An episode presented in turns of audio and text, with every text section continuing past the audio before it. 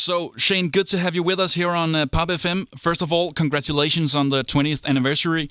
Tell me, what are your initial thoughts on turning 20 with Boyzone? I think it's a fantastic achievement for any such uh, band from the 90s in the type of styling of music that Boyzone were, meaning the popular world of music, pop music, to be able to have such longevity into the, um, the long history of of being 20 years in, in, in the world of music. And I think it's just fantastic to be able to reach that milestone. So we are, we are very, very proud. Hand on your heart, if someone back in 93 have come up to you and said that Boyzone still would be around and, and be successful in 20 years, what have you have told them? I think back in the 90s when we began as a band, we had no doubt that we were in music and being a part of that world. I don't think we ever looked further uh, to the future in, in in terms of 20 years to think what we would be doing. We just we were just in a band on a journey. Um, but now that we've reached this position, looking back on our success and past, uh, yeah, I, I, think it's been a fabulous journey and um, what an eye opener. And to this day, you've sold more than 25 million albums worldwide. And you just released your new album, BZ 20, the fifth studio album by Boyzone. But five albums in a span of 20 years. How come that we haven't heard more of you, uh, so to speak? There was a, a, long period of a time where we, we took a break um, from about 2000. So we had, let's say, 93 Boyzone got together, good seven years in the game. 2000 we had a break. Uh, we did individual projects. 2007 we came back, and we've been kind of uh, touring with old um, music and songs that have gone in the past, but adding a few extra adding a, adding a few extra new um, records to, to, to past kind of compilations. And uh, so we've been quiet on the scene of actually releasing music. So now it's, we've signed a new record deal with Warner Music and we've got fresh kind of blood and uh, fresh ideas and moving forward and everyone's it's it's kind of just regenerated itself to be able to to continue on in this world and now the new album is out containing uh, 11 tracks can you try to describe how the process is when you get together to create a new Boyzone album. Well, we relatively had a short period of time to actually create that pro- process. So there was a, a number of songs in amongst um, from Mikey and Ronan, which they're their own creations, and from other different writers as well that have written it. And we just kind of had between maybe 30 records to break down into what we felt uh, represented Boyzone and were the best tracks for the album to be able to get these 11 records. So, um, you know, the, the process is, is of actually recording them then we we recorded some of the vocals in the UK and some in Australia also so it was a kind of around the world travel recording sessions You've had numerous number one hits, received numerous awards, sold millions millions of albums, and played for millions and millions all over the world. What's the fuel that keep you keep you going? I think it's each other. I think within the band of Boyzone the fuel that keeps us together is is uh, myself, Keith, Mikey and Ronan, we enjoy each other's company. We enjoy hanging out together. We have many, many interests that are alike that keeps us as good friends, which allows us to do um, the music that, that, that, that we can continue for other people, you know? If you were to select only one episode, what is the greatest moment in, in Boyzone history?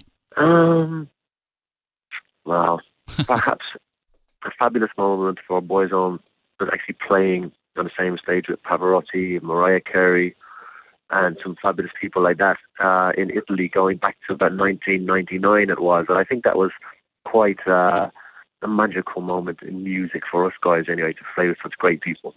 And tonight might be a, a, magical moment as well because you're kicking off your 20th anniversary tour tonight in your hometown of Dublin. Tell me, how excited are you right now? It's absolutely unbelievable to be here. We are literally kicking off our Christmas tour, a 20-year Boys Boyzone anniversary tour. Our uh, it, it's it's unbelievable. Our hometown. This is the first show. All our family are here. All our friends are here. And it's a full house tonight, and it, it's going to be a great way to kind of continue into the rest of December, um, January, February, on over to Europe and stuff. So it's it's amazing now. We're all very very excited. We'll take two of our listeners to see the show in London's O2 Arena on December twentieth.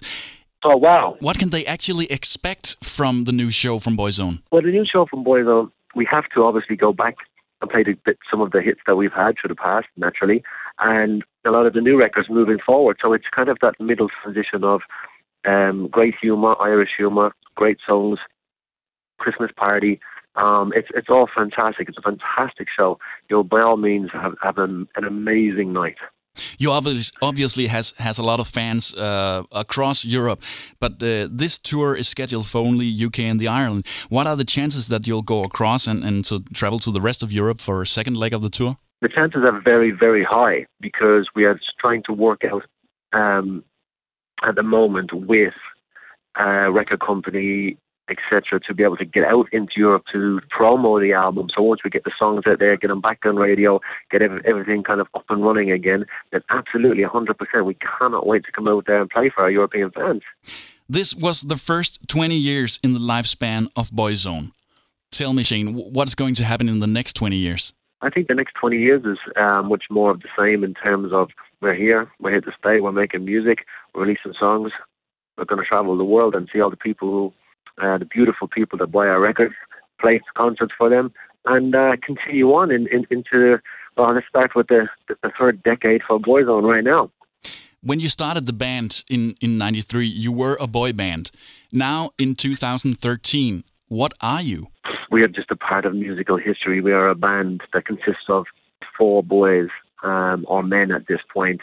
Uh, I think you know, we just we, we, we do good songs, we do good radio songs, we do easy listening songs, um, music that people could just enjoy and have great memories to. And we do enjoy your music. You should know that. Absolutely right.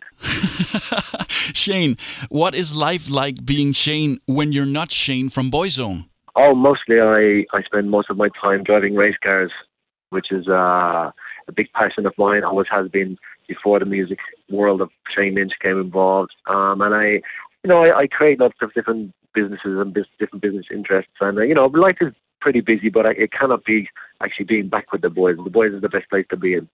And actually, uh, the, the, the racing thing. Let's uh, stay with that because I read somewhere that you used to be a very skilled uh, BMX rider and actually won the Portuguese uh, championship at age 14. Wow! How how come you choose singing instead of, of racing?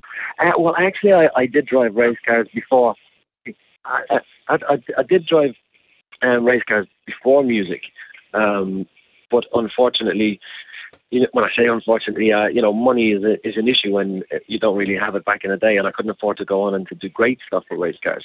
So um, I, I think music gave me the opportunity to go bigger and better in that respect. So you're telling me there's more money in singing than in racing? Well, you know, to be a professional driver, such as the likes of the Formula One drivers, um, it's a, it's a lot of money to get there to be able to do such things. When you get to the top, that's fine, but to get to the top is extremely difficult. Shane, we asked our listeners to uh, come up with questions for you, and uh, I picked uh, four of the best. So I hope you're in for it. Uh, Bettina asks, uh, how many new dance routines have you had to learn during the past few weeks rehearsing for the new uh, tour? Um, no, no, no, absolutely not. Um, you know, it, it's kind of not really that expand anymore when it comes to dance routines. We kind of our individual performers so it's going to be a very different type of show than you've seen previous to Boyzone. So will there be a medley for old time's sake? Oh, I think we might have a medley of some old records of ours as opposed to anybody else's records. You know what I mean? In what way did Stephen's death uh, have an impact on Boyzone and your music? Um, I I think our individual characters kind of are brought into the mix when it comes to uh, performances and being on stage and stuff like that. So it, it, it, can differ in many ways throughout the different members of Boyzone. And if uh, we look forward to what's going on tonight, you're going on stage. Is there any certain ritual that you have to do before entering the stage? We all kind of get together. We put ourselves in our room and uh, we kind of make ourselves uh, kind of uh, distant from the rest of everybody that's outside the room. We get in our little zone or our boy zone um, and we always say a little prayer and just to say thank you for where we have kind of come to at this point in life and all our achievements and to have a great show and, and, and away we go with it. And Maya asks, what's the coolest slash weirdest thing you've ever done on stage? I think for me, I'm always very different than the other boys on stage. I do lots of weird things. Uh, just in terms of my dancing. So, um, yeah, I, I think we all just have a great time on there. Sounds great. Thank you, Shane, for uh, taking the time to talk with us here at uh, Pop FM. We hope to see you very soon here in uh, Denmark and have a great show tonight in Dublin. Thank you very much.